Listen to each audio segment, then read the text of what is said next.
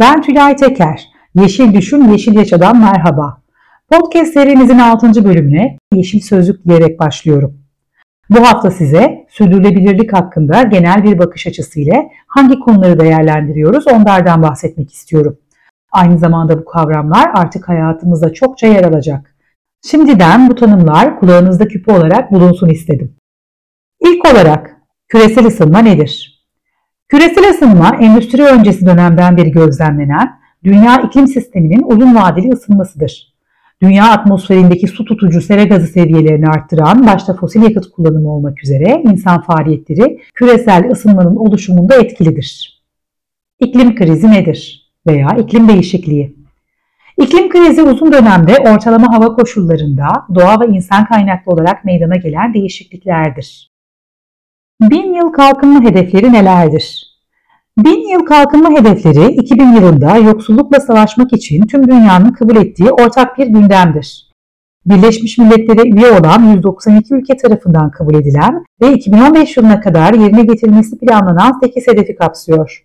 Aşırı yoksulluğun ve açlığın yok edilmesi, evrensel ilki öğretimin sağlanması, cinsiyet eşitliğinin teşvik edilmesi ve kadınların güçlendirilmesi, çocuk ölüm oranlarının azaltılması, anne sağlığının iyileştirilmesi, HIV, AIDS, sıtma ve diğer hastalıklarla mücadele edilmesi, çevresel sürdürülebilirliğin sağlanması, kalkınmaya yönelik küresel işbirliğinin geliştirilmesi söz konusu 8 hedeftir. Paris Anlaşması nedir? Paris Anlaşması 2015 yılında Paris'te düzenlenen Birleşmiş Milletler İklim Değişikliği Çerçeve Sözleşmesi 21. Taraflar Konferansı'nda kabul edilmiştir. Anlaşma 5 Ekim 2016 tarihi itibariyle küresel sera gazı emisyonlarının %55'ini oluşturan en az 55 tarafın anlaşmayı onaylaması koşulunun karşılanmasıyla 4 Kasım 2016 tarihiyle yürürlüğe girmiştir. İklim krizinin önüne geçmek için küresel ortalama yüzey sıcaklığındaki artışı 2 derece ile sınırlandırmayı, mümkünse 1,5 derecenin altında tutmayı amaçlar. 5 yıllık hedef arttırma sistemi üzerinde çalışmaktadır. Türkiye 22 Nisan 2016 yılında Paris Anlaşması'nı imzalamıştır. 7 Ekim 2021'de Paris Anlaşması'nın onaylanmasının uygun bulunduğuna dair kanun yürürlüğe girmiştir. Sürdürülebilir kalkınma nedir? Gelecek kuşakların ihtiyaçlarını karşılayabilme olanağından ödün vermeksizin günümüz kuşaklarının ihtiyaçlarını karşılayabilecek bir kalkınma modeli olarak tanımlanmaktadır. Sürdürülebilir kalkınma amaçları nelerdir? Sürdürülebilir kalkınma amaçları, diğer bir deyişle küresel amaçlar, Birleşmiş Milletler üyesi ülkeler tarafından 2030 yılı sonuna kadar ulaşılması amaçlanan hedefleri içeren evrensel bir eylem planıdır. Ocak 2016 yılında yürürlüğe girmiştir. 17 ana başlıktan oluşan sosyal, kültürel ve ekolojik meselelerin çözümüne odaklanır. 17 sürdürülebilir kalkınma amacı hangileridir?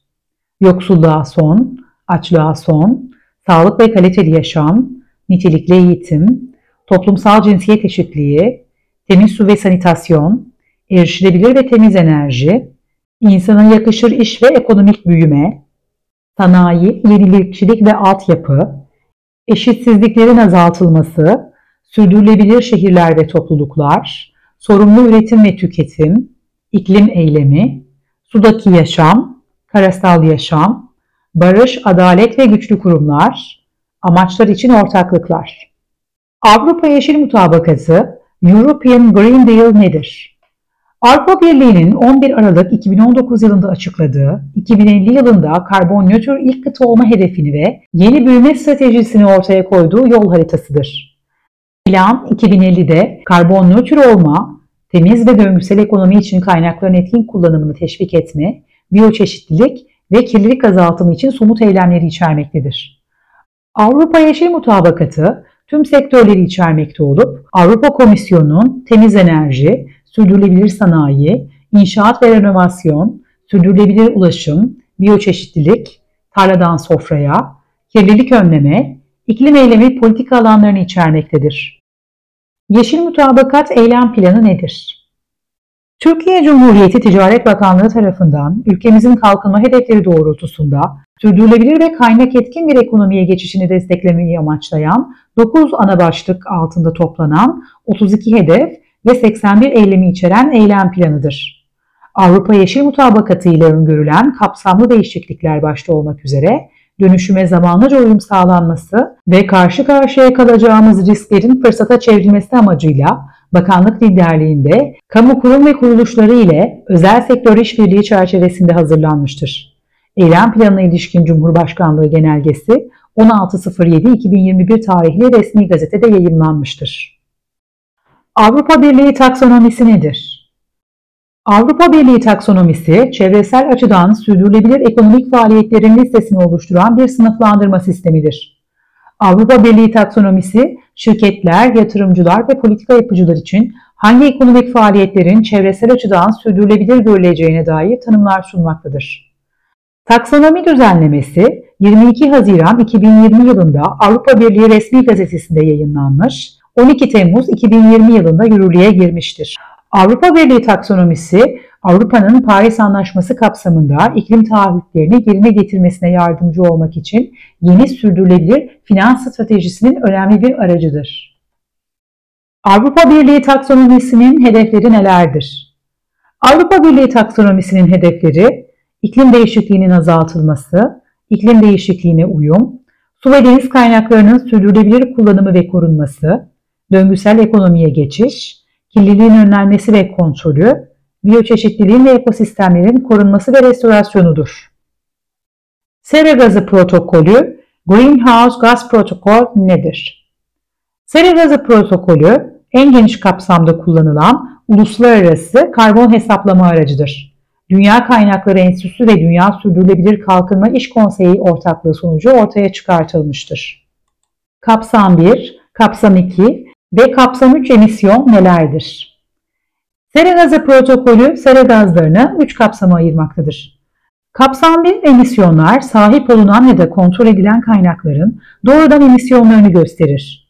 Diğer deyişle doğrudan üreticinin sorumluluğu olarak görülen emisyonlardır. Örnekleri şu şekilde sıralayabiliriz. 1. Sabit yakma. Kazan, fırın, türbün, ısıtıcı, jeneratör ve motor. 2. Mobil yakma. Otomobil, kamyon, gemi, uçak gibi. 3. Kaçak emisyonlar. Ekipman bağlantılarından, atık su arıtma tesisinden, soğutma kulelerinden, gaz işleyen tesislerden kaynaklananlar gibi. Kapsam 2, satın alınan enerjinin üretiminden kaynaklanan dolaylı emisyonlardır. Kapsam 3 ise kapsam 2'ye dahil edilmeyen tedarik zincirleri tarafından salınan dolaylı emisyonlarını göstermektedir. ESG Çevresel, sosyal ve kurumsal yönetişim kriterleri nelerdir? ESG yani çevresel, sosyal ve kurumsal yönetişim kriterleri firmaların geleneksel finansal analizinin yanı sıra finansal olmayan risk ve fırsatlarını da değerlendirir. Üç başlık altında belirlenen kriterler yoluyla bir firmanın çevreye etkisi, çalışanlarıyla ilişkileri, cinsiyet eşitliğine yönelik politikaları, üst yönetimin kapsayıcılığı ve mali şeffaflığı gibi konulardaki durumunu inceler. Karbon emisyonu, karbon salımı nedir? Karbon emisyonu, diğer deyişle karbon salımı, doğada oluşan karbonun atmosfere salınması anlamına gelir. Karbon emisyonunun doğal ve insan kaynaklı sebepleri olabilir.